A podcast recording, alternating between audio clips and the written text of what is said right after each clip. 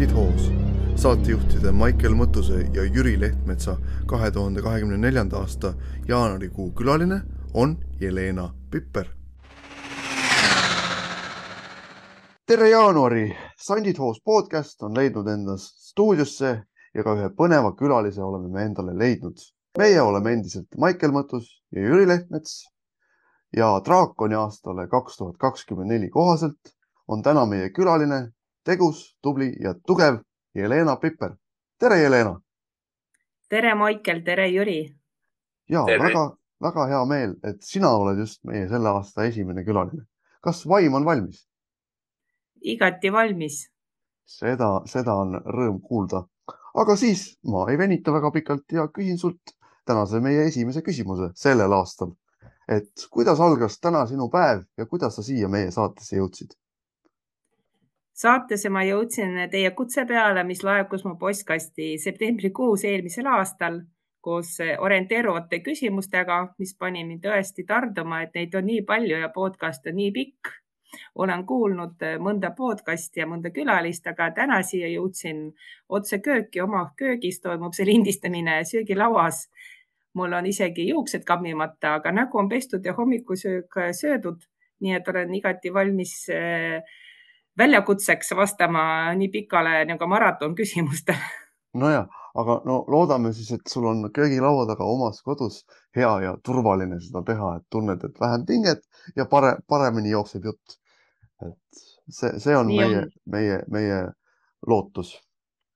aga, järgmisena ma küsin siis ise, et äh, selgita oma sõnadega oma puutelisuse olemust, et, et, et siis kuna pilti meil ei ole, siis on hea kuulajatel ka teada, et mis tegelane meil stuudios on. minu puue paistab välja, kui ma liigun, liigun väljaspoolt kodu kodusse ja see seisneb sellest, et mul on tserebraalparalüüs, inglise keeles cerebral palsy ja kui ma liigun, siis ma kasutan inimeste abi, eks ma hoian millestki või kellestki kinni. mul on väga halb tasakaal, mul on üks tugijalg siis ma kasutan äh, lugemisel ja teiega vestlemisel ka prille. mul on spetsiaalsed jalanõud. ja nii ongi, nii et ma olen tegelikult, mul on kaks kätt, kaks jalga, midagi ei ole veel amputeeritud. küll on mõned luumurrud on olemas. ja juuksed pikad ja olen naisterahvas, ei ole sugu ka veel vahetanud kuhugi poole.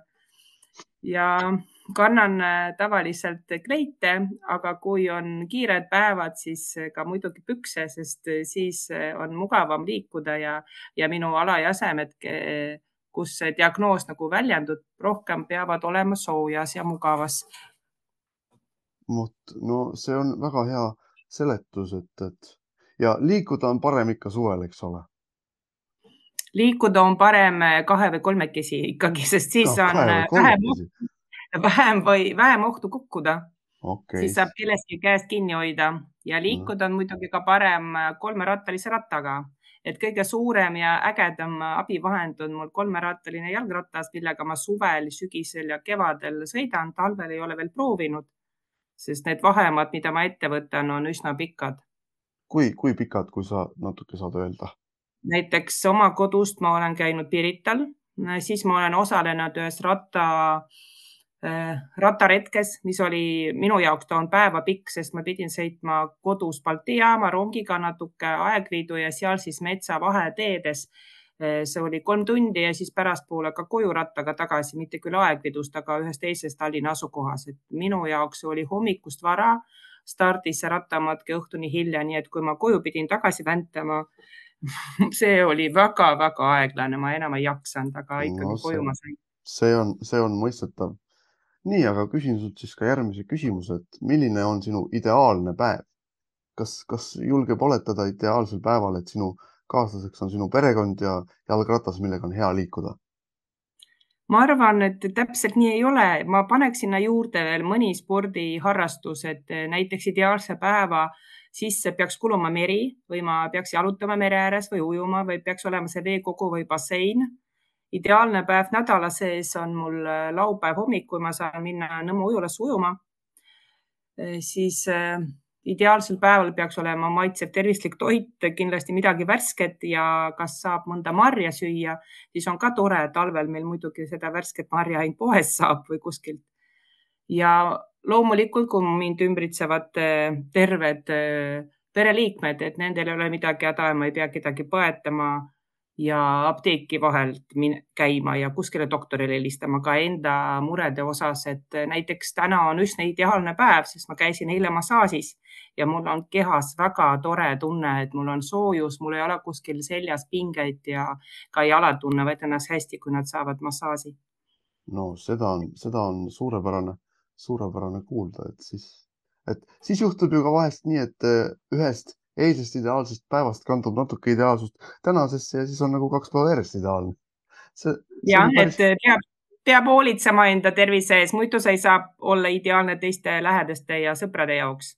selle mõttega ma olen väga-väga nõus. see on jah üllatav, et kuidas meil vaata see massaaž nagu on just see kõige võimsam vahend endale see power nii-öelda tagasi tuua. aga ja. siit, siit küsingi, et et kus sa, Helena, võtad enda seda power'i, et, et toimetada ja asjatada iga päev? nii palju, kui mina olen käinud nendes saadetes ja intervjuudes rääkinud, siis äh, sport ja invasport ja parasport ja mis pidi seda saab nimetada, tervislik liikumine igatipidi, see annab mulle seda power'it mm. -hmm. Et päris, päris konkreetne, aga, aga tuleb seda veel, kus, veel kuskilt või? kuidas sellega on? uni, piisav oh. uni.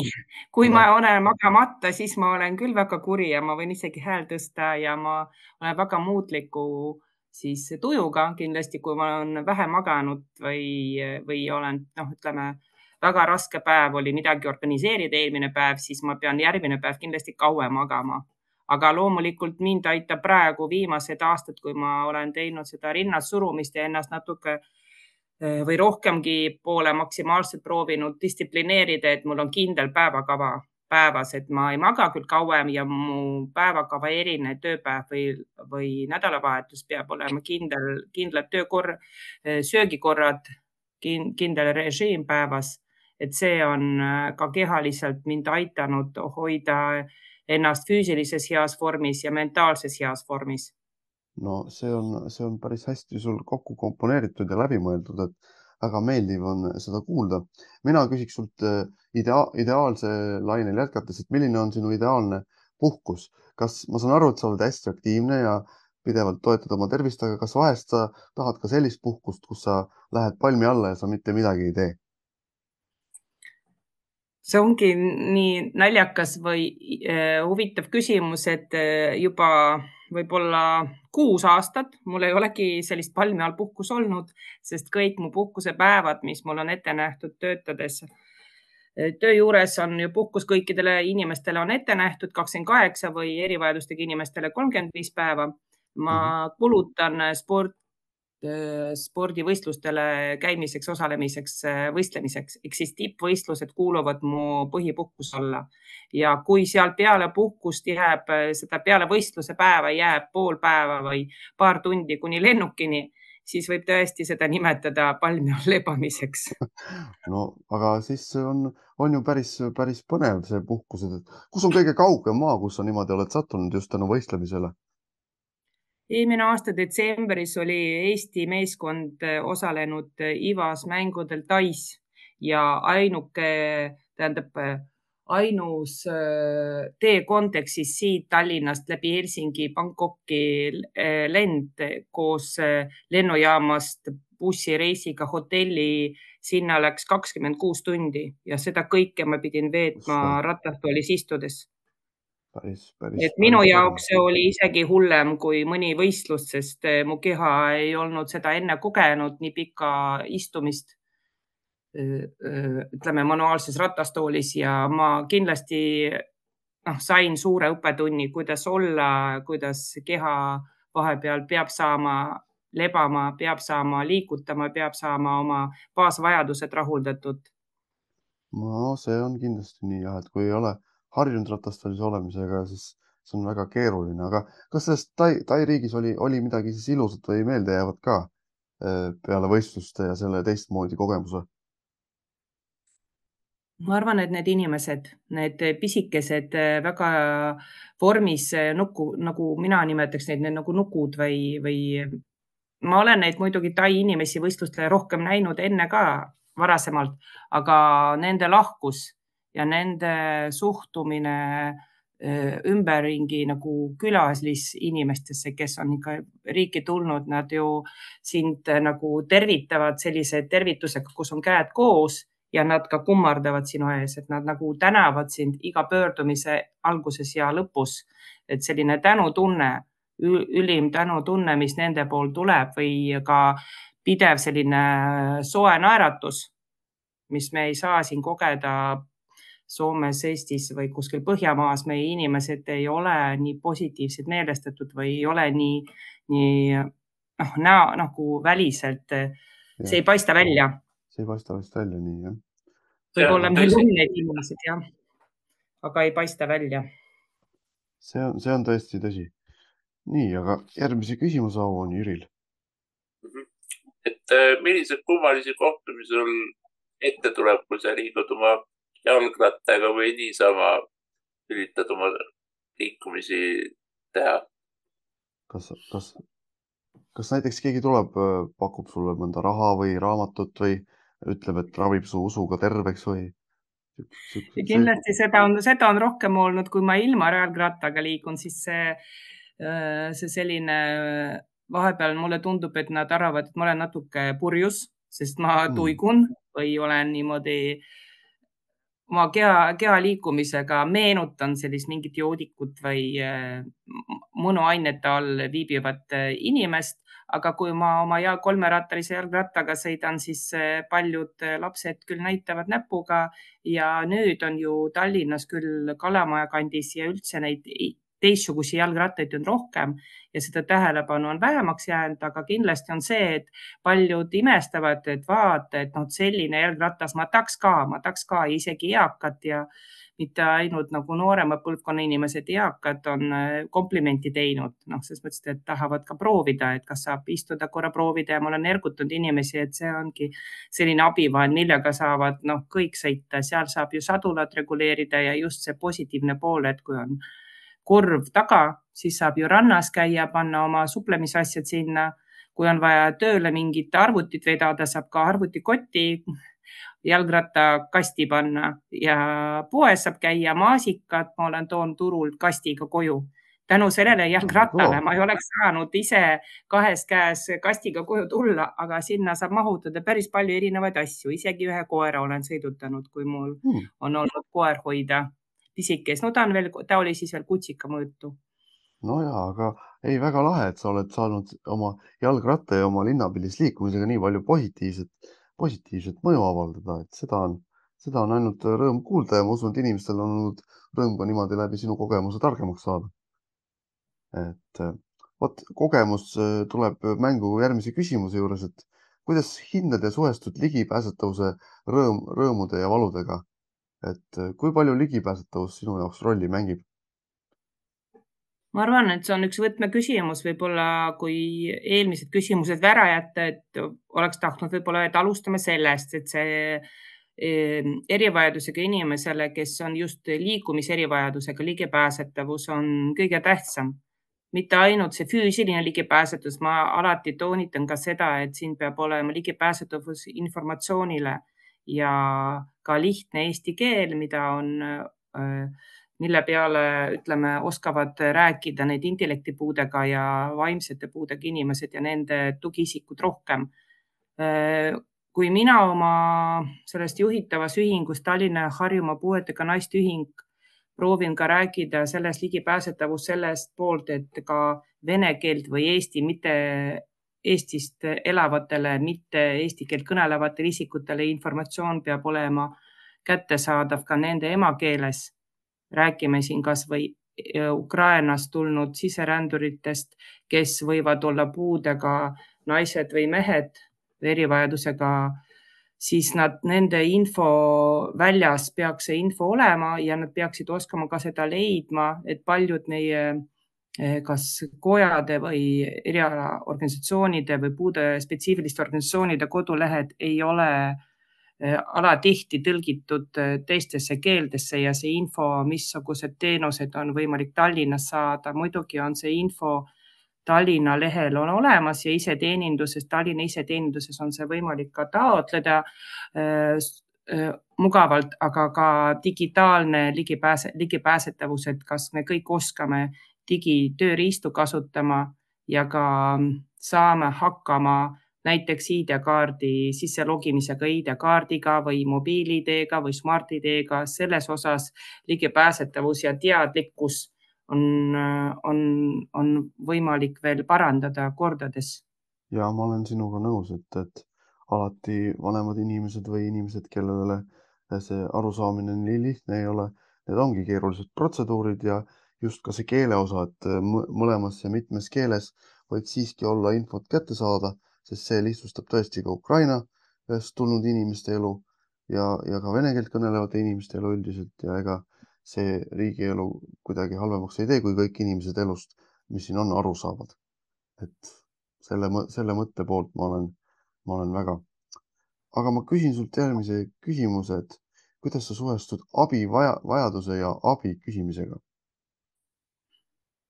See on minu jaoks kõige raskem äh, abi küsida. ma ütlen, et äh, mina ei ole harjunud abi küsida, võib-olla selle tõttu, et kõige suurem abi võimaldu, võimalus või läbi elu on olnud minule, minu pere, minu ema ja ema poolt ja siiamaani see jätkub tänu temale, temal olevale heale tervisele ja ma ei ole harjunud väga abi küsida siis, kui mu laps oli väike, võib-olla siis ma vajasin selline periood, kus ma vajasin seda abi rohkem lapsi, lapse hooldamisel. ja ka siis, kui siin mõne trauma oli eelmise aasta lõpus, kus mul oli jalg eh, seotud ja luu murd-, luumurdude tõttu ma pidin istuma ratastooli ja ka siis äh, abi otsimine ja abi saamine ja abi küsimine, kogu see pakett äh, äkki, kui tuleb, et sa peadki, sul peab olema see tugivõrgustik, siis sa pead äh, nagu uuesti leidma, kes need inimesed on, kas nad oskavad professionaalset abi osutada, sest selles mõttes, et meil ei ole kuskilt mingit andmebaasi, näed, mine sinna Helpifici, mine sinna äh, e-kodu hooldus, äh, mine sinna veel mõnda erafirmasse raha ees ja sa saad seda abi, et pigem ma olen kasutanud siiamaani neid oma tuttavaid ja sõpru kas eh, kirikust eh, endised kolleegid, praegused kolleegid, eh, huviringide ka, kaaslased, keda ma tunnen isiklikult ja keda ma usaldan täielikult, kellele ma saan usaldada oma keha või kehaosad täielikult selles mõttes, et, et see hooldamine on paljudes peredes, ma tean, et on see naiste õlgadel, kus on peres erivajadusega lapsed või äh, pereliikmed, et see on väga suur koorem praegu meie vabariigis, mida pereti, peresiseselt kannavad teised perekonnaliikmed. ka minu peres ma pean kummardama maani, et see ema on mind eh, väga aidanud, ema elukaaslane ja ka teised perekonnaliikmed, minu enda vend on mind aidanud palju füüsiliselt just nagu ma ei tea, raskete asjad, asjade teisaldamisel, eh, mingi nõuga remonttöödega ja ka praegune elukaaslane, kes mul on, et ta on tõesti imeline eksemplar sellest osast, et ta on ise erivajadusega inimene. ka mu esimene abikaasa, lapse isa oli ka erivaja, on praegu ka äh, puudega või erivajadusega inimene, et mul on äh, olnud see kogemus kogeda neid isikuid enda kõrval ja see kogemuse võrra ma olen ka rikkam, ütleme. Nad on mõlemad mind õpetanud ja õpetavad siiamaani, kuidas seda abi küsida ja kuidas ka neile osutada abi, sest ka need isikud, kes mu kõrval on, vajavad seda abi ja mõistmist ja tuge, tuge, mida mina pean äh, võimaldama ka teisele poolele, muidu see suhe ei ole tasakaalus. minu jaoks on väga tähtis see tasakaal ka elus igal pool. see on, see on väga-väga mõistlik, mõistlik lähenemine ja siinkohal võiks ju äh, kiita ja tervitada neid inimesi, kes sinule seda tuge ja abi pakuvad, kui nad meid juhtuvad kuulama. või mis sina arvad? ma arvan küll, et äh, suur tänu neile ja tõesti seda, seda teemat kõneledes mul tulevad pisarad silma, sest see on minu jaoks väga tundlik teema. no näed väga,, väga-väga armas. aga mida sa soovitaks teistele, niisugune ootamatu abivajaduse suurenemine tekib, et, et mis, mis ma arvan, et me peaksime oskama, oskama ikkagi seda välja öelda, mitte keegi meie sisse ei näe, mis osas me abi vajame, me peame julged olema, ütlema, et me vajame abi ja missugust abi konkreetselt. ka mu ema ütles, et ma, ta ei käi enam minu juures nagu füüsiliselt tihti. Ja ta ütles ainult seda, kui sa mulle ütled, et sa abi vajad ja millest, siis ma tulen, et samamoodi ka kõik teised peaksid suhtuma, et me peaksime oskama ütlema ja välja ütlema seda et eh, see meie abivajadus eh, kõlaks niimoodi, et me abi vajame. sest eh, paljud meie sõbrad võivad meie juures käia ja võib-olla minu kodus, kes tuleb, näeb, et mul on aastatest veninud remont, et siis lihtsalt kuna ma ei ole neil kutsunud ja ütlema, tule pane mulle tapeeti seina või midagi veel konkreetset teha, siis nad arvavad, et see on normaalne, aga samas ma võin vajada abi puude tassimisel koju ja mõndes, mõnes töödes aga kuna ma seda ise ei ütle, siis keegi seda ei tea. see ongi see, et me peame olema julged ütlema ja abi paluma. võib-olla peab siis sellel teemal väikse koolituse tegema või koolituse sarja. Et sihuke abi palumise koolitus või no see ka, et Jelena soovitus, et kui abi vajad, siis ole võimalikult konkreetne. see on väga hea soovitus. mida on, mida, et, et see on hästi oluline aga siit ma küsin, et keda ja mida sa armastad, kuigi sa põgusalt mainisid seda juba praegu ma tahaks öelda, et ma tahaks jäätist, sest teiega vesteldes mul juba vererõhk tõuseb ja, ja mul on hästi palav ja ma hakkan higistama, ma tahaks külmajäätist süüa, sest kõik need teemad puudutavad mind ju isiklikult sünnist saati, ma ei ole niimoodi äkki nüüd haigestunud või äkki nüüd hakanud lonkama ja niimoodi käima ja ma elan alati kõik kaasa ja tahan tegelikult minu loomuses on see, et ma aitan teisi, ma tahan igati palju maksimaalselt teisi aidata enda ümber, see ei ole ainult nagu läbi invaspordi puude spetsiifiliste ühingute, vaid üldse läbi elu kui ma kuskilt töötan mingis projektis või mingi teema üle, siis kui keegi tuleb kabinetist läbi või koridori peal, siis ma tunnen kuidagi empaatiliselt või lihtsalt, et ta pöördub minu poole hoopis teise teema osas, siis ma olen alati nõus aitama nagu, jätma oma asjad sinna paika ja lähen ja aitan teisi. Et selles mõttes ongi see, et mis mind eh, rõõmsaks või, või mida ma armastan, ma armastan aidata see on, see on väga ilus mõte. eks me Jüriga proovime ka seda teha inimestena ja, ja loodame, et kõik meie äh, varasemad külalised ja tulevased külalised võtavad sinust täna eeskuju ja meist üldiselt ja, ja mõtlevad rohkem selle peale, et jah, meid aidatakse, aga ka meie saame ju teisi aidata nii palju, kui me oskame ja suudame ja seda võiks ehk sagedamini teha. Äh, aga, aga nüüd lähme korra siis sinna teise poolde, et mis sind pahaseks teeb või vihale ajab Äh, selli-, mingil kujul nagu üldpildis mõeldes ühiskondlikult võib-olla, aga ka isiklikul tasandil. mind teeb pahaseks äh, Tallinnas näiteks, kuidas äh, talvel kõnniteed hooldatakse, näiteks kui nad on väga libedad, ei panda sinna libedustõrjed või kui on need rattateed punaseks väritud rattateed, nad ei ole väga turvalises kohtades ja mina oma kolmerattalise rattaga sõiduteel kindlasti ei julge sõita.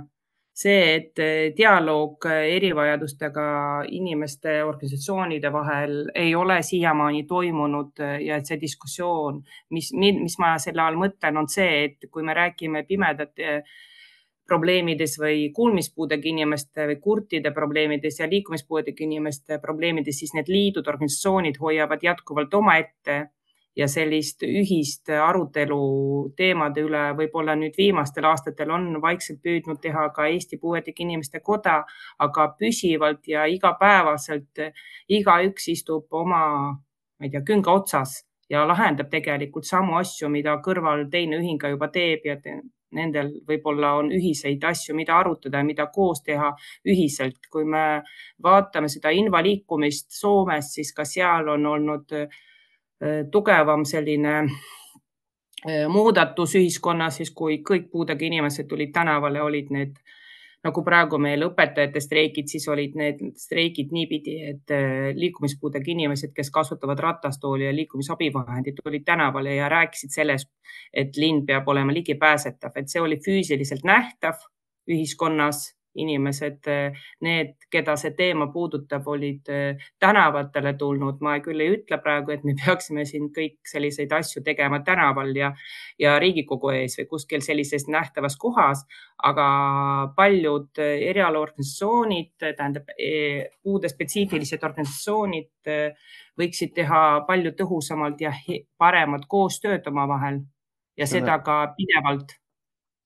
mitte ühe projekti raames selle mõttega ma olen väga-väga nõus.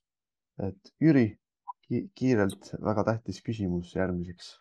jah, et kas usk on sinu elus oluline, see võib mida iganes sinu jaoks tähendada. et ei pea olema otseselt.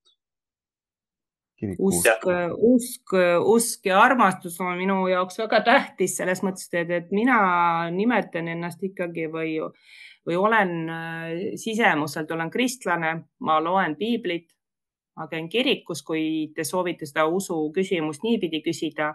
küll viimastel aastatel on seda kirikus käimust on jäänud vähemaks, aga ma olen ristitud. ma olen Leeri koolis käinud Kaarli kirikus. ohoh, väga kõva sõna. ja, ja see, ma mulle meeldib äh, piiblit lugeda, ma olen ostnud erinevas variandis endale neid äh, selliseid trükised, mis on lastepiibel, pildidega piibel, et pigem veel rohkem aru saada mm, sellest äh, raamatust. ma olen seal tuge saanud rasketel hetkedel. ja mul on inimesed, kes on minuga koos, saavad seda teemat ka arutada, kui mul on see suurem vajadus rääkida usuteemadel aga väga-väga ilus siis, et sul on inimesi, kellega just sellel usu teemal, mis sind elus toetab, niimoodi arutleda ja et nad on sinu ümber ja et see saadab sind, et tõesti on äh, tore kuulda, kui inimesel on äh, elus sellest abi, abi ka. Et usk tema elus on. ma küsin sult järgmise küsimusena, et mida oled õppinud ja kuidas see sind aidanud on? mõtleme siis ülikooli tasandil näiteks aitäh, see on tõesti äh, selline võib-olla natuke tüüpiline küsimus, kui küsitakse äh, isiku intervjuudes, et räägi oma tööst või mida sa oled õppinud, aga ma isegi natuke vaatasin, et kas see tulemus nüüd, küsimus nüüd tuleb. hakkasin kohe varakult mõtlema selle peale. väga hea äh, diplomite järgi või selle ametliku loetelu järgi ma olen siis bio- ja toiduainete tehnoloogiat õppinud ja olen loodusteaduse magister. ülikooli hariduse sain ma Tallinna Tehnikaülikoolis ja olen kakskümmend aastat töötanud ka üheksateist aastat riigilaboris alustades lab, laborandis, vanemlaborandist, siis olen olnud mikrobioloog ja peaspetsialist.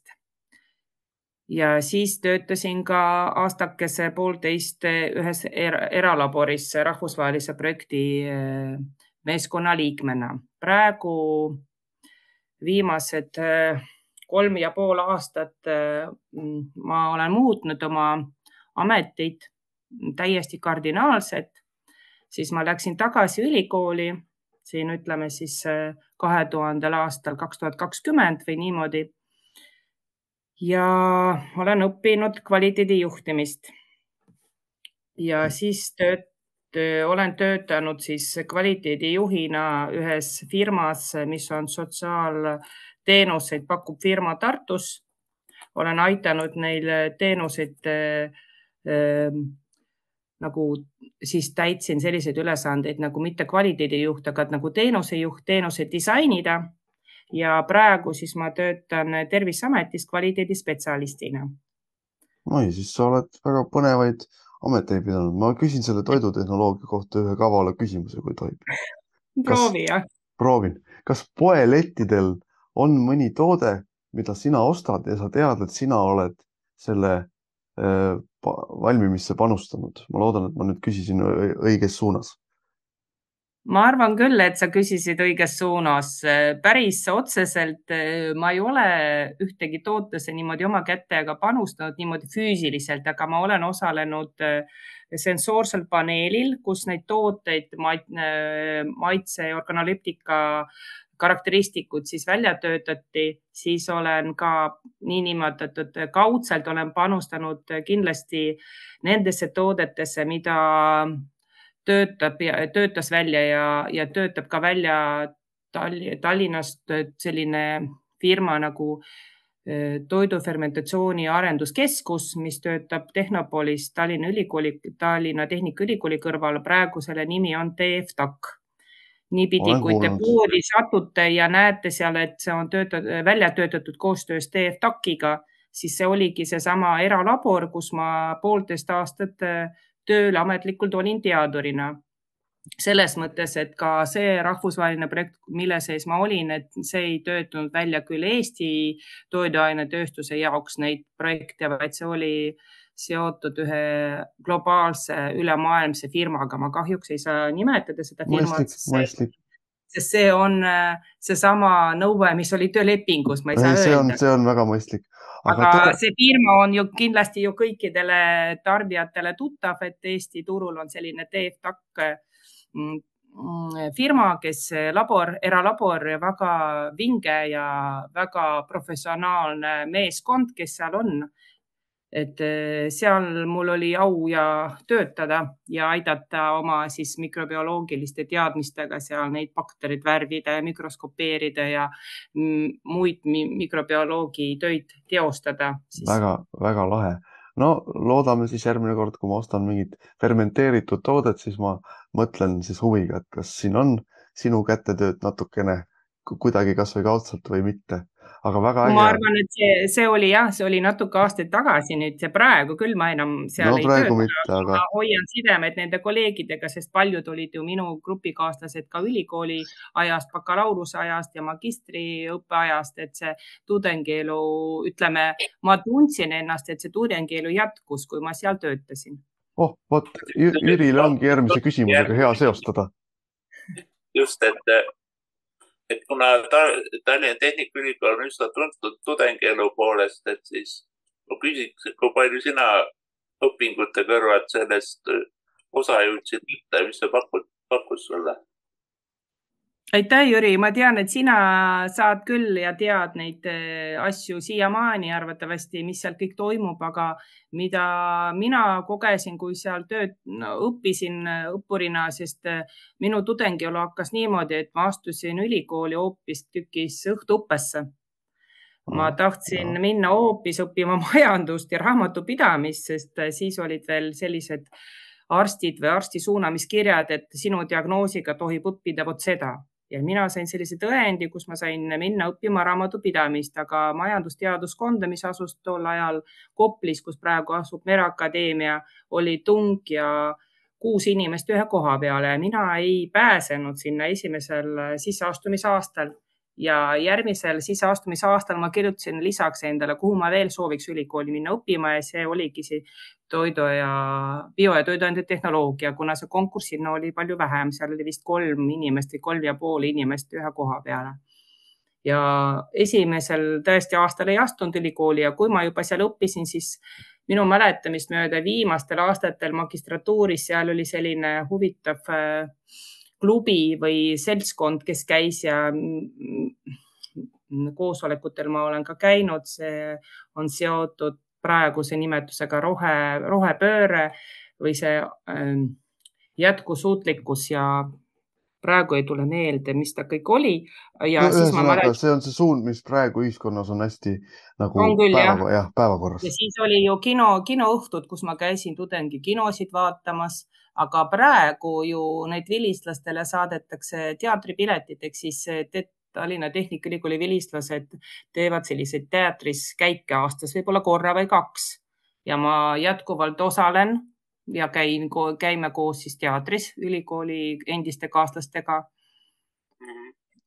no väga. sest ma ei, õppisin õhtuõppes küll ainult üks aasta, pärast läksin päevasesse õppesse ja siis eh, minu grupp nagu kasvas tohutult, sest alguses meil oli seitse inimest, aga päevaõppes meil oli kolmkümmend viis inimest, sellest siis seitse-kaheksa õpilast olid siis vene, eh, eh, venekeelseid ja praegu töötades Terviseametis ma näen neid kolleege, kellega ma koos olles grupis õppisin ja neid on äh, ühe käe sõrmedel vähemalt viis inimest, keda ma tunnen ülikooli ajast ja kes äh, peale ülikooli asusidki näiteks Terviseametisse kohe tööle.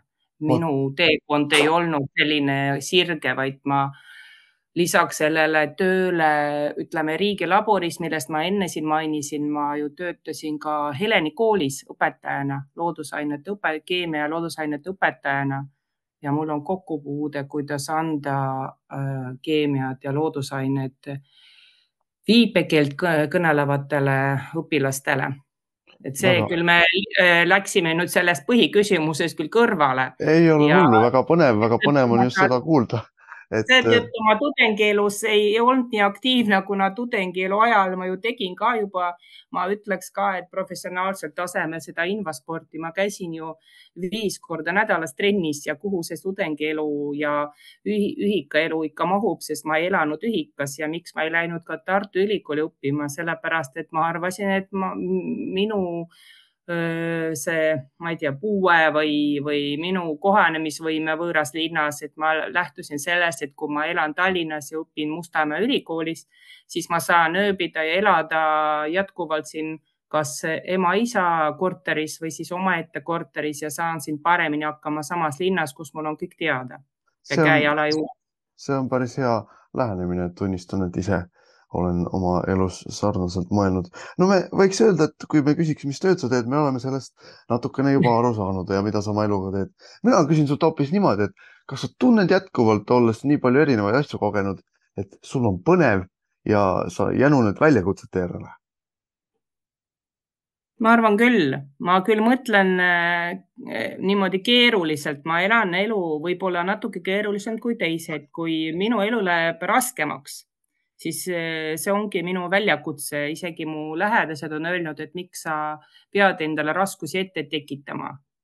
aga võib-olla see on minu loomuses, sest ma olen ju hüpanud langevarjuga, ma olen käinud välismaa uued inimestele laagrites, kus ka Tom Rüütel koos, koos, koos Tom Rüütliga Norras, siis olen käinud mitme aasta väitel eh, Belgias surfamisele pühendatud laagrile, kus on väga erivajadus, väga raske erivajadusega inimesed olid koos, keda pandi siis äh, laine äh,, surfilauaga sõitma.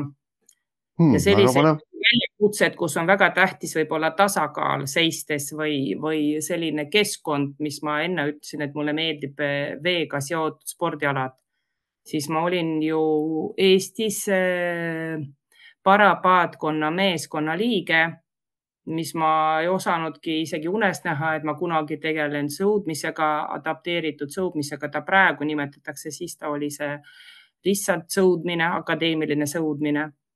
peale ujumist, siis oli see teine spordiala ja kui pärast ma valisin endale ise sellise spordiala, mis on klassikaline rinnalt surumine paraatleetidele, siis äh, väiksena või ülikooli õpingutes või kuskil keskkoolis ma ei osanud isegi sellest unistada, et minust saab äh, nii-öelda selline, selline sportlane ja pikaajalise spordialadega tegeleja. noh, ma olen Eestis proovinud kõiki spordialasid äh, enda pealt just nimelt selleks, et leida enda kehale sobiva, mis mm -hmm. keha ka arendab, äh, mis paneb, no, see ongi üks väljakutse et eh, orienteeruda selles maailmas, spordimaailmas, missugused no, spordid on olemas. aga seda põnevam ju on. see sobib ja. jah, seda põnevam ju sul endal ka sellega tegutseda on. järgmise kahe küsimuse puhul, Jüri, äkki katsud nad kokku liita, tuleb päris hästi välja. ahah, et järgmine küsimus siis on, et milliseid projekte sa oled nagu eest vedanud ja, ja millistes vabaühendustes siis? Et sa põgusalt küll mainisid, aga. aga na natuke pikemalt, paluks. ja aitäh.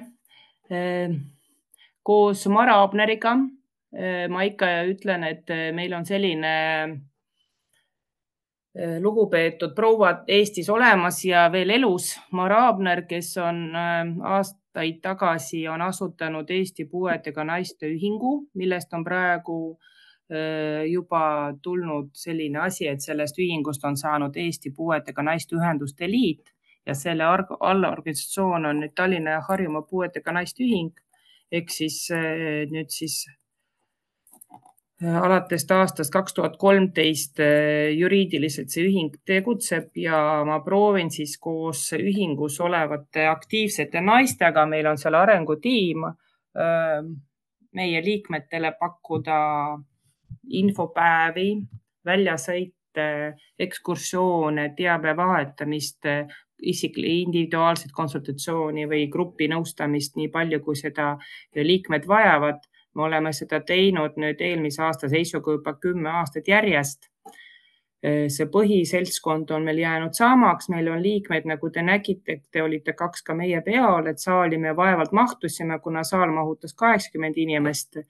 Eelmise aasta seisuga meil oli liikmeid kaheksakümmend üheksa ja mingi aasta meil oli üle saja esimese e, ühingu esinaise sõnul ja unistuseks oli saada see ühing viiesaja liikmeliseks. esimese ühingu esinaine oli Keiu Roosimägi ja ma usun, et see on täitsa võimalik ja võimalik ka saavutada ka veel suuremaid numbreid. Lihtsalt e, kõik piirdub meie ressursiga ja tahega.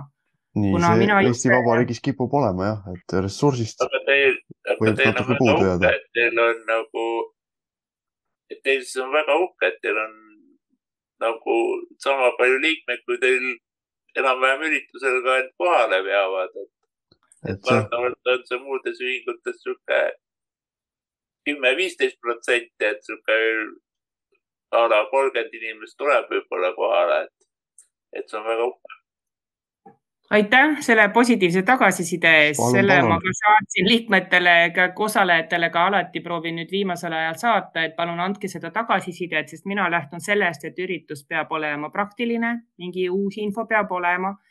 seda ei ole küll niimoodi, et peo ajal me loeme loenguid, aga seda ka vahest teeme siis kohtumised põnevate inimestega, neid inimesi on inimesed ise pakkunud, kellega nad neid kohtumisi tahavad või kuhu kohta nad tahaksid ise minna.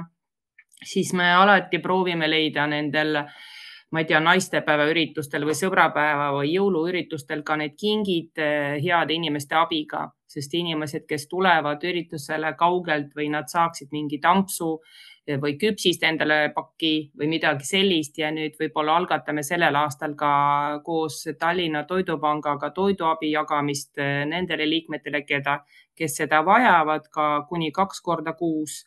Seda mul ei ole enne juhtunud, et ma sellega ka veel tegelen ja hakkan toitu jagama, aga kuna elu on ju nii kallimaks läinud ja toidukorvi maksumus juba ületab kordades seda toetuse raha, mida inimesed saavad ja, ja see on reaalne praktiline mure.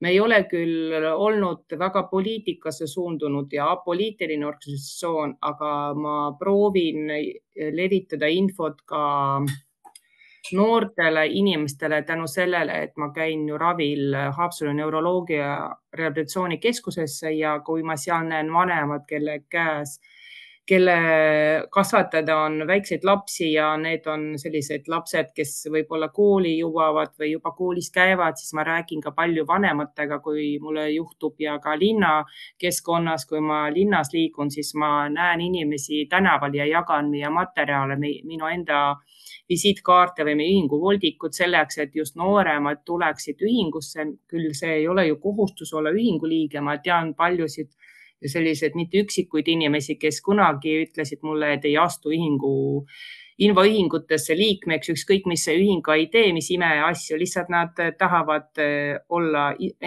iseendad ja olla lihtsalt noh, Eesti kodanikud ja leiavad seda infot ise ka mitte info kättesaamise osas, aga me proovime teha erisuguseid üritusi just selle mõttega, et äh, inimesed kohal käiks ja miks see pluss on, sest inimesed ise on toeks üksteisele ja see info, mida minul ei pruugi olla, võib-olla on sellel äh, laua naabrinnal või sellel inimesel, kes sinna esimest korda tuli, tal on see väärtuslik info olemas, kus äh, taastusravikeskuses tema on käinud, kus äh, parim abivahend on temal kasutada või mugavam.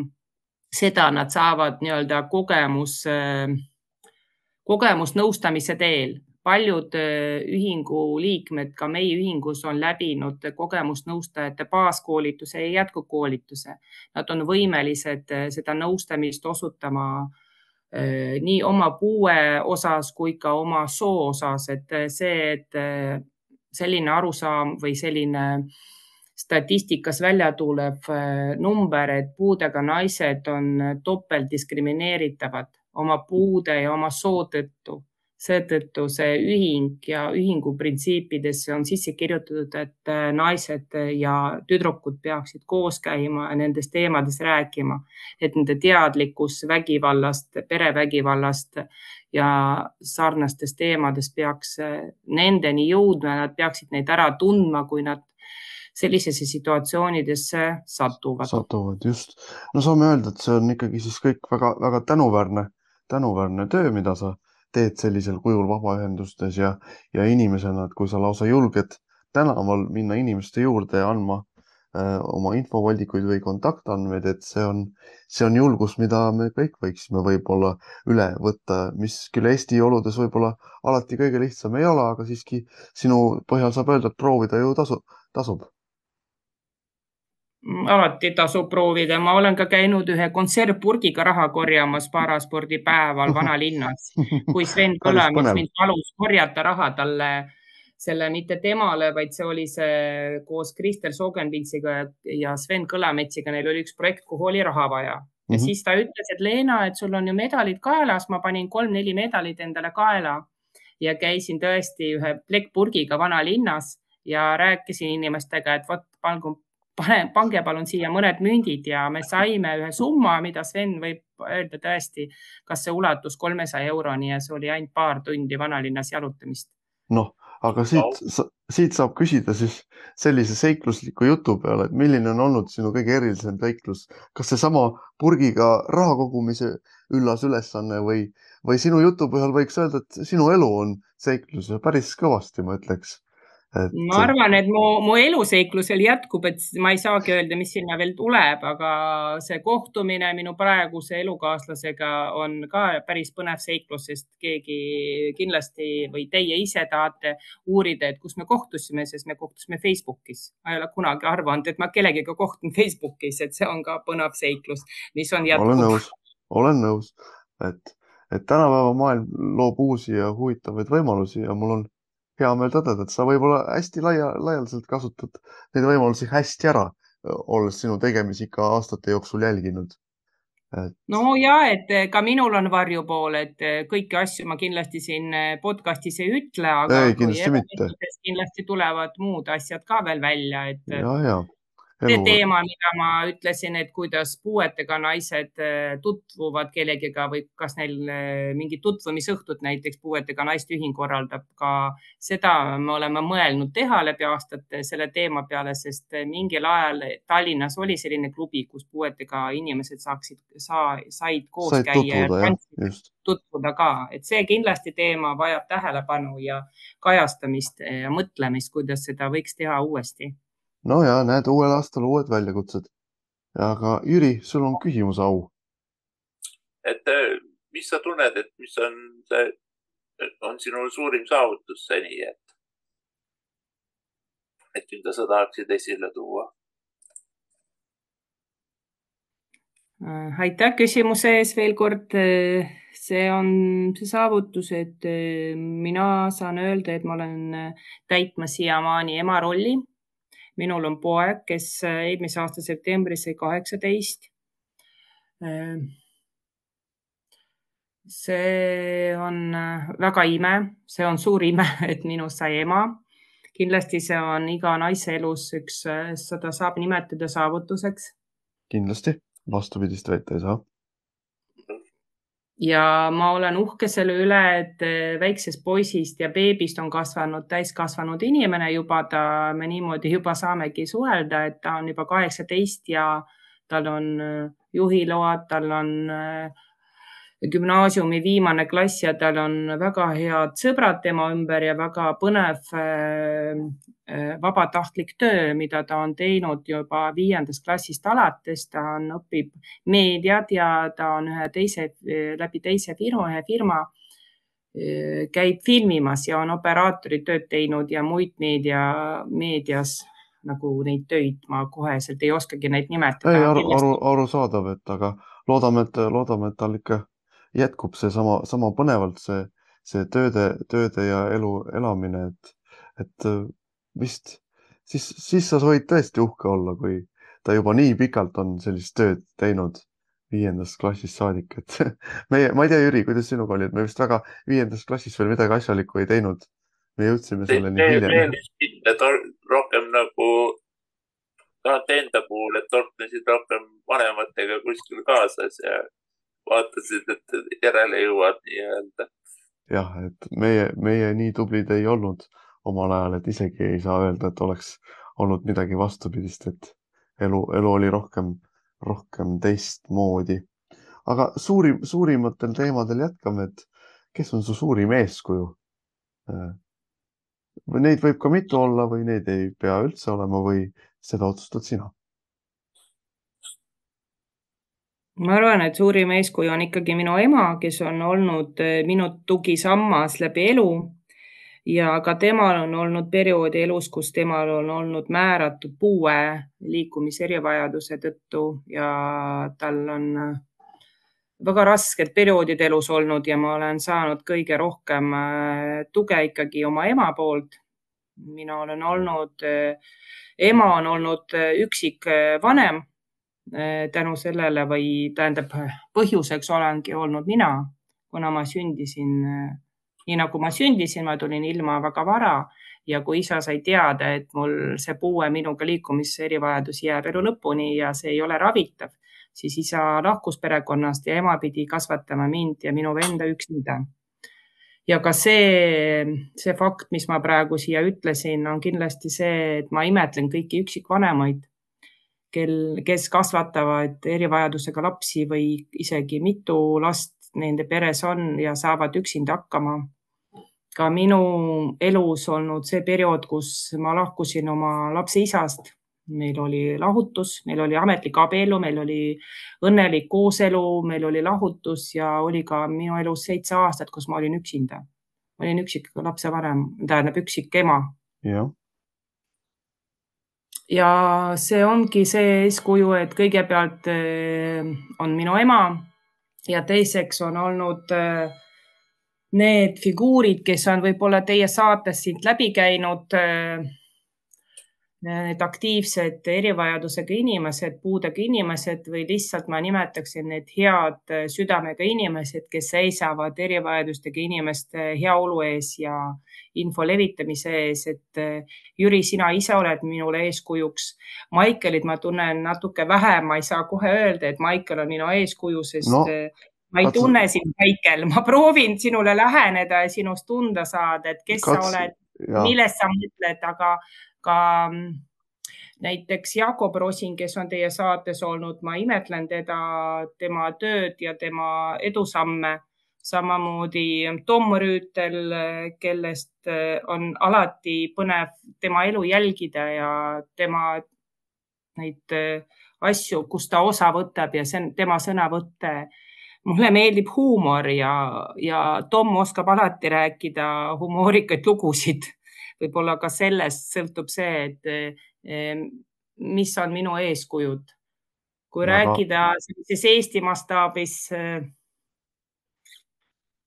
ma, ma ütleks praegu rohkem, ma arvan, et need inimesed. Need on head vastused minu treenerid eh, Õnne Polisinski, suudmise treener Mihkel Klementsov ja, ja praegune treener Maksim Ignatenko, kes on minuga koos olnud ja pisarad minuga koos valanud eh, tänu spordile ja, ja teavad minu elu rohkem kui mina ise võib-olla.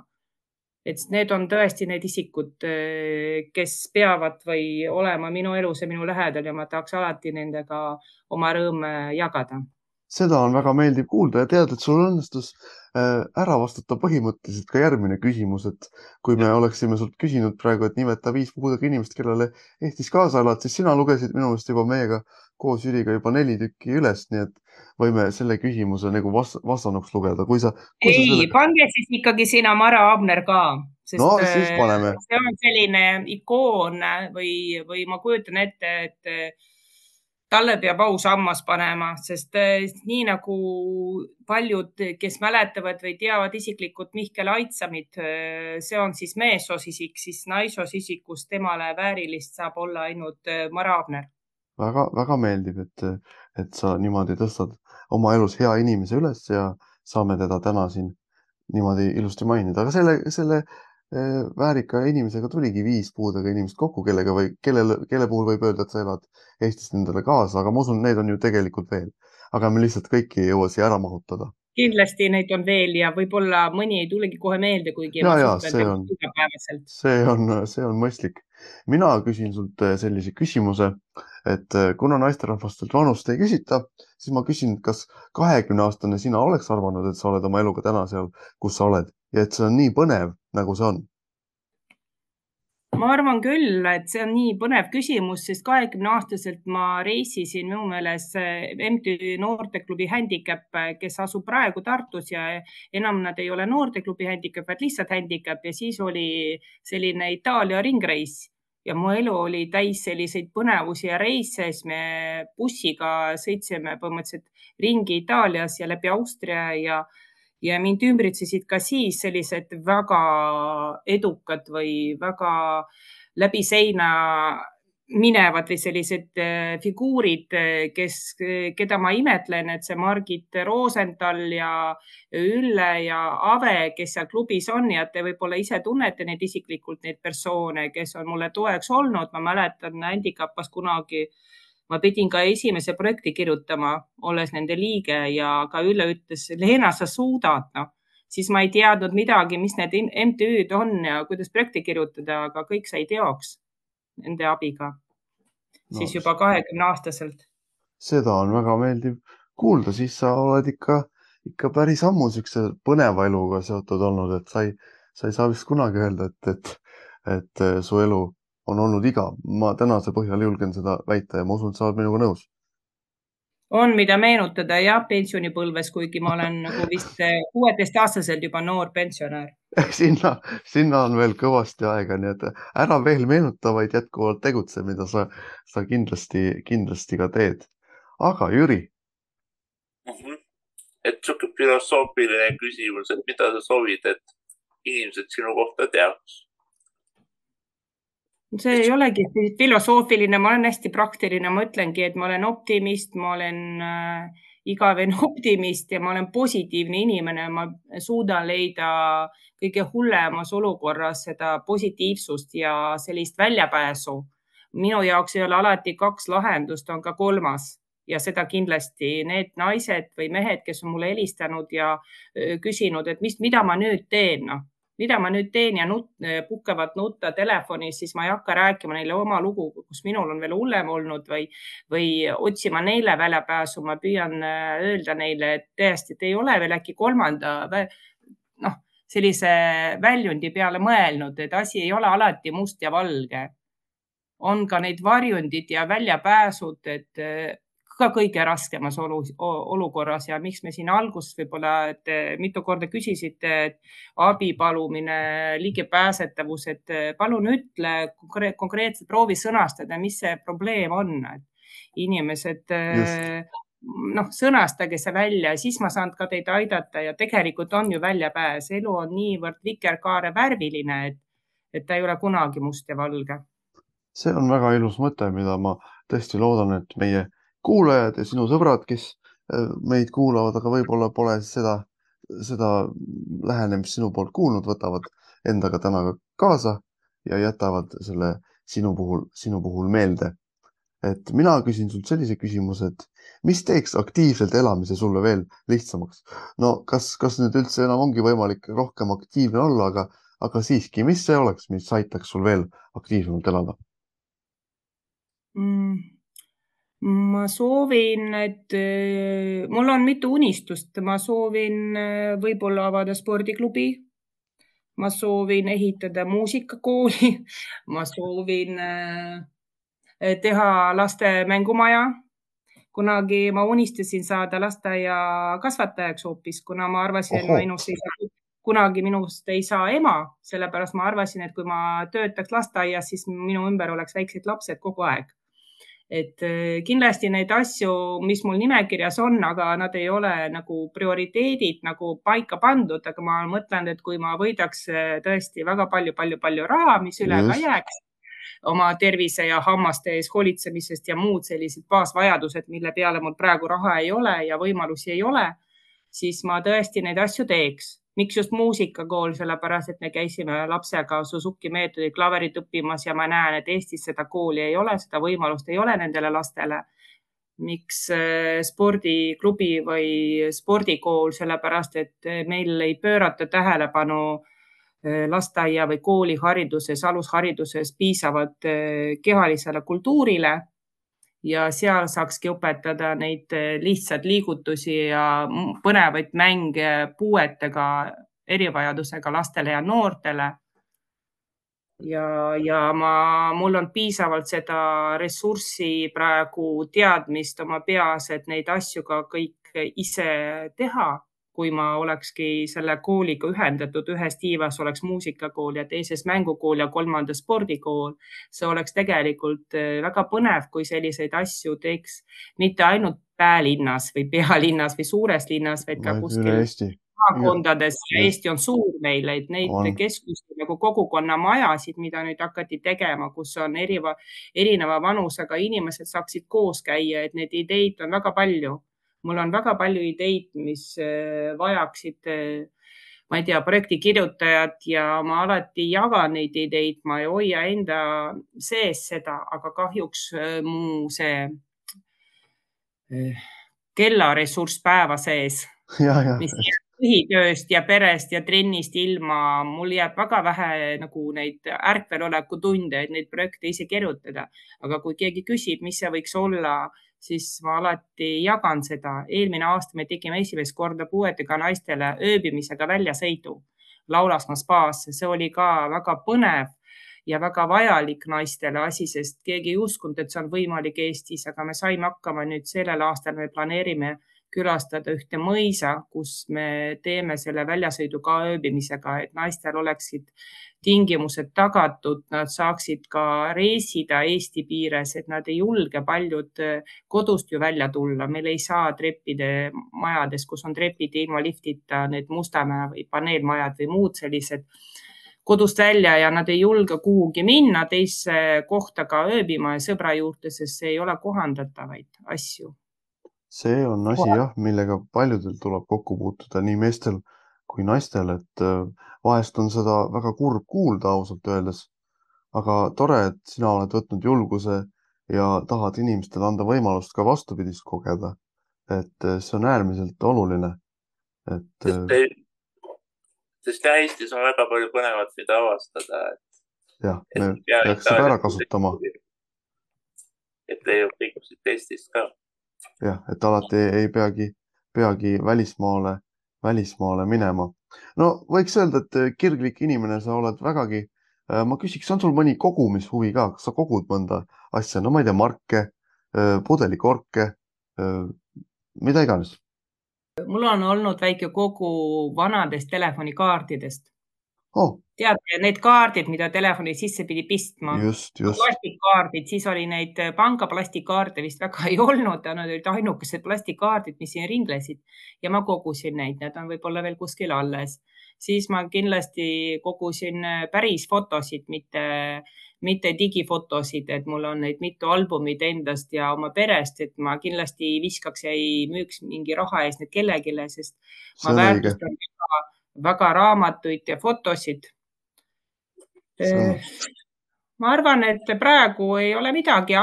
kolmas on ikkagi see, et mitte, et ma ei kogu, vaid mul on kogunenud aasta, aastate või selle elu jooksul juba hästi palju medaleid, mida ma ise olen oma spordivõistlustel toonud, aga ma nüüd tõesti see neljas variant, mida ma veel avaks, varsti avaks oma isikliku spordimuuseumi oma medalite ja karikate presenteerimiseks. inim, inim, inimestele, kes saaksid külastada seda Aga... kõik ei pea minema Tartusse spordi olümpiamuuseumisse, see peaks olema siis Tallinnas, et ja väga-väga selline spetsiifiline muuseum. sellega ma olen sellega ma olen väga nõus, et selline tore muuseum võiks, võiks Tallinnas samamoodi olla, aga saab öelda, et kolm huvitavat kollektsiooni on väga-väga lai ja tore kogumine sulle, eriti, eriti need medalid, nendega oled sa siiski kõige rohkem vaeva näinud. Et äh, ma loodan, et sul õnnestub see spordimuuseumi idee, aga ega sul ei oleks võimalik neid kollektsioneerida, kui sa spordiga ei tegeleks, et et me saame aru, et sport, mis sinu südame põksuma paneb, on jõu tõstmine tänasel päeval, aga on ka jalgrattasõit ja varasemalt oli see üks spordiala veel, mida sa ennem mainisid, et ma küsin sinult niimoodi, Helena, et kas see sport, millega sa tegeled, et ta paneb südame põksuma ja kas sa tõesti tunned, et sul on ise igapäevaselt tänu sellele lihtsam elada ja toimetada? nii on jah, aga ma ikkagi ütlen veel kord, et see põhiline sport oli mul ujumine, viisteist aastat, sõudmine oli kümme aastat ja nüüd siis seitse aastat on juba rinnalt surumine. Et, et no. igasugune sport paneb ikkagi põksuma ja tõstab vereringe ja, ja paneb vere liikuma, isegi tavaline kükk, mida sa võid teha hambad pestes. see no. pikendab su eluiga tegelikult. olen selle, sellega väga nõus et kõik igapäevane liigutamine tuleb, tuleb tervisele kasuks. aga selle, sellega saamegi Jürile anda küsimuse au. et äh, mis oskust sa tahaksid omada? Mida sul praegu ei ole, aga. sul on palju, aga äkki on midagi veel, mida sa tahaks osata? üks film oli kunagi mingi Hollywoodi film, kuidas naine sai äh, sellise võime, et ta sai aru, kuidas mehed mõtlevad. ma tahaks ka omada vahel sellist, sellist oskust, et aru saada, kuidas mehed mõtlevad. see oleks eh, võib-olla mind aitanud. Ma küll ei taha ennustamisoskust ja ma ei taha tulevikku näha, aga jah, vahepeal eh, selliseid suhtlemise probleeme mul on elus olnud, kus ma mõtlen, et kuidas ma paremini aru saaks, kuidas mehed mõtlevad no see on, see on igati, igati vajalik oskus, et, et kui see, kui see kuskil saadava, saadavale tuleb, siis ma loodan, et sa saad selle omale hankida. ja, ja meie saame vist Jüriga öelda, et me tahaks aru saada, kuidas naised mõtlevad. ja, et vastupidi ka. Jah. vist mõlemat pidi tundub nii. mõlemat pidi jah, näete, et saime tänases saates selles osas targemaks, et ma küsin sult seda, et süda juba põksub, aga mis muusika sul vere käima paneb? mulle meeldib klassikaline muusika ja ma võin täitsa vabalt ja lõõgastunud istuda kontserdil, kus on äh, klassikaline muusika. ma ei tooks siia ühtegi äh, sellist heliloojat ette. mulle meeldib äh, džässmuusika. See äh, mulle meeldib väga, siis mulle meeldib itaaliakeelne muusika, mul on mitu itaaliakeelset äh, sellist popstaari äh, plaati kodus kuidagi tõmbab Itaaliasse, võib-olla alguse saigi tookord see Itaalia ringreis koos Handicapaga, kus ma armusin Itaalia muusikasse juba siis, siis kui ma olin kaheksateist, kakskümmend, midagi sinnakanti.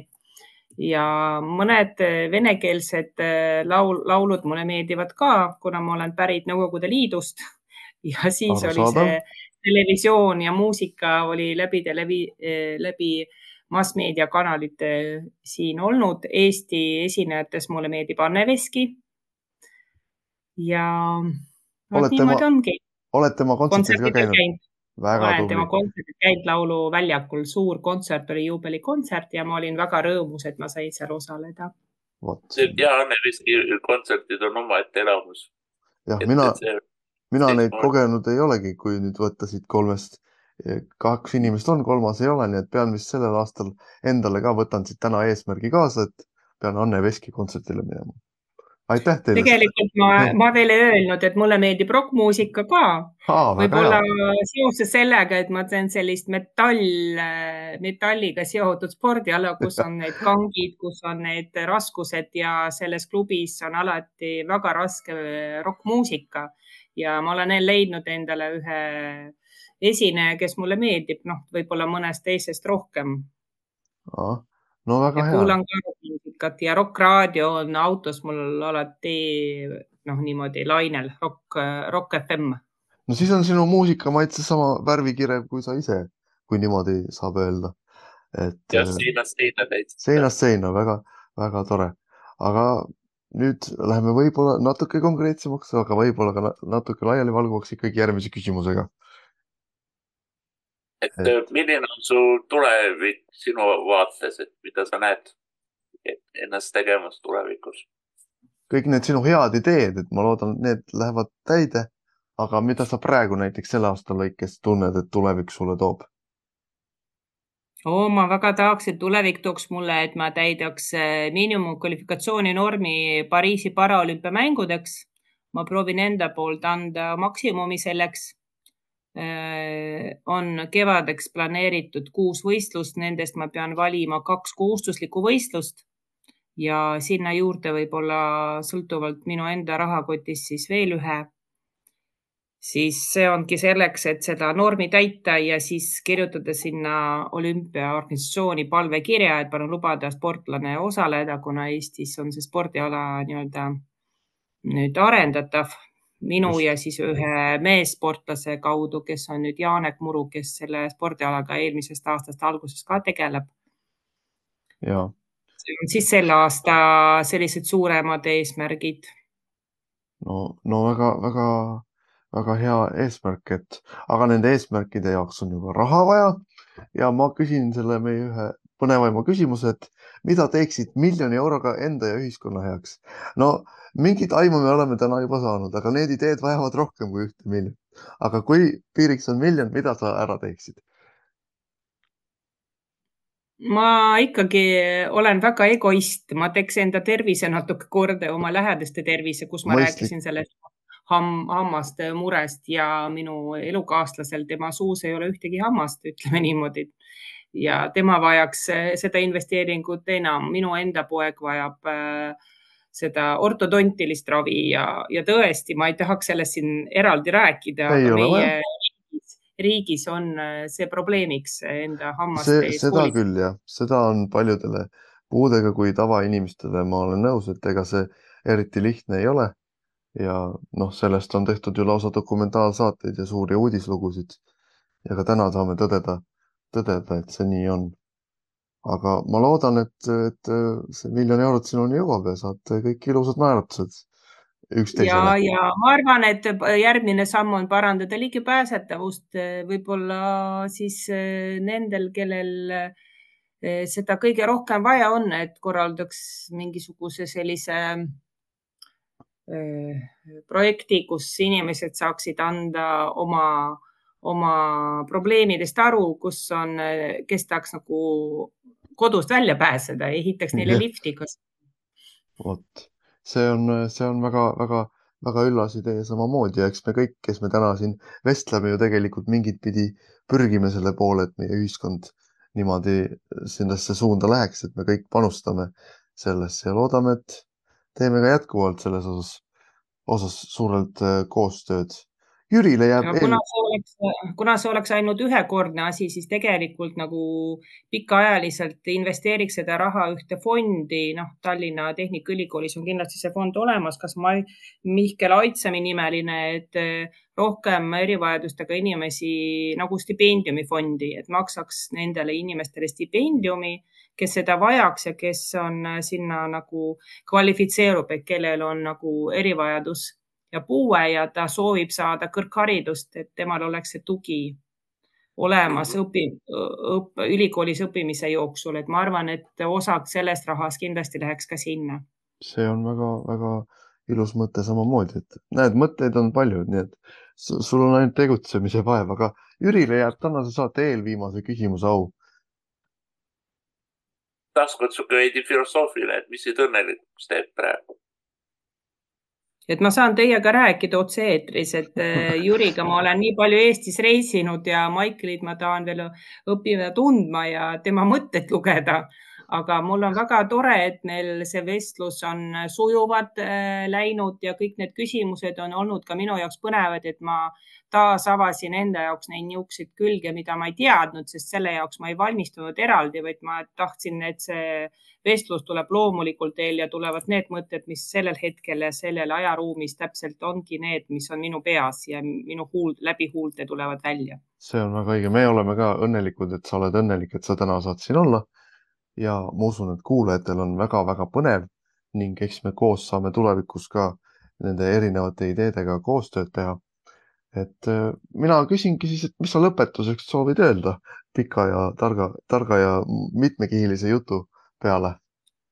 ma arvan, et äh, nii nagu mulle siin mainitud vestluses Mara Aabner, äh, mida, keda ma juba mainisin, ütles, et teda häirib selle podcasti pealkiri et sandid koos, et ma sooviks, et te selle pealkirja muudiksite veel põnevamaks, aga võtaksite seal sõna sandid ära. võib-olla see ongi taotluslik igatipidi, aga näiteks Mare ütles, et tema teie saatesse ei tule, kuna selline pealkiri on no.. et kindlasti eesti, eesti keel on äh, väga põnev ja avastamist väärt, et võib-olla ka see asi vajab äh, noh seletamist eh, ja viimist, et miks selline pealkiri on eh, taas eh, suurele publikule ja kuulajaskonnale et no meile jääb sellel kohal au öelda, et korraldajatel on õigus kavas teha vastavalt oma soovile muudatusi ja otsuseid, aga meil on tõesti väga hea meel, et sa meieni jõudsid, meil oli sinuga väga põnev vestelda. paneme selle saate ilusti kokku. Ja rahvas saab seda nüüd jaanuarikuu lõpetuseks siin kenasti kuulata. Jüri, mida sina lõpetuseks öelda soovid mm,? no nagu ikka, iga intervjuu, mis me teinud oleme, on andnud nagu endale väga palju. ja et, väga palju. mõtteid, uusi mõtteid ja, ja aidanud just seda nii-öelda, keda sa võib-olla pikalt juba isegi tunned, et teda rohkem paremini avada. et see on väga põnev alati. ja olen, olen Jüriga nõus, et alati saame iga saatekülalise kohta erineva ja huvitava portree, õpime ise, ise midagi ja loodame, et meie kuulajad õpivad samamoodi. aga mina omalt poolt saan lõpetuseks öelda, et selline saigi meil selle aasta esimene jaanuarikuu saade. meie täname sind väga, Jelena ja soovime sulle sinu tegemistes jätkuvat edu ja häid ideesid, mida teostada ning nende teostumist, sest nagu me aru saime, siis ideid on sul palju aga meie teiega, head kuulajad, kohtume veebruaris ja nagu ikka, on meil jälle oodata põnevaid külalisi või külalist või kuidas elu inimesi meie juurde toob, nõnda nemad meie juurde satuvad. suur tänu, kohtumiseni veebruaris. suur tänu.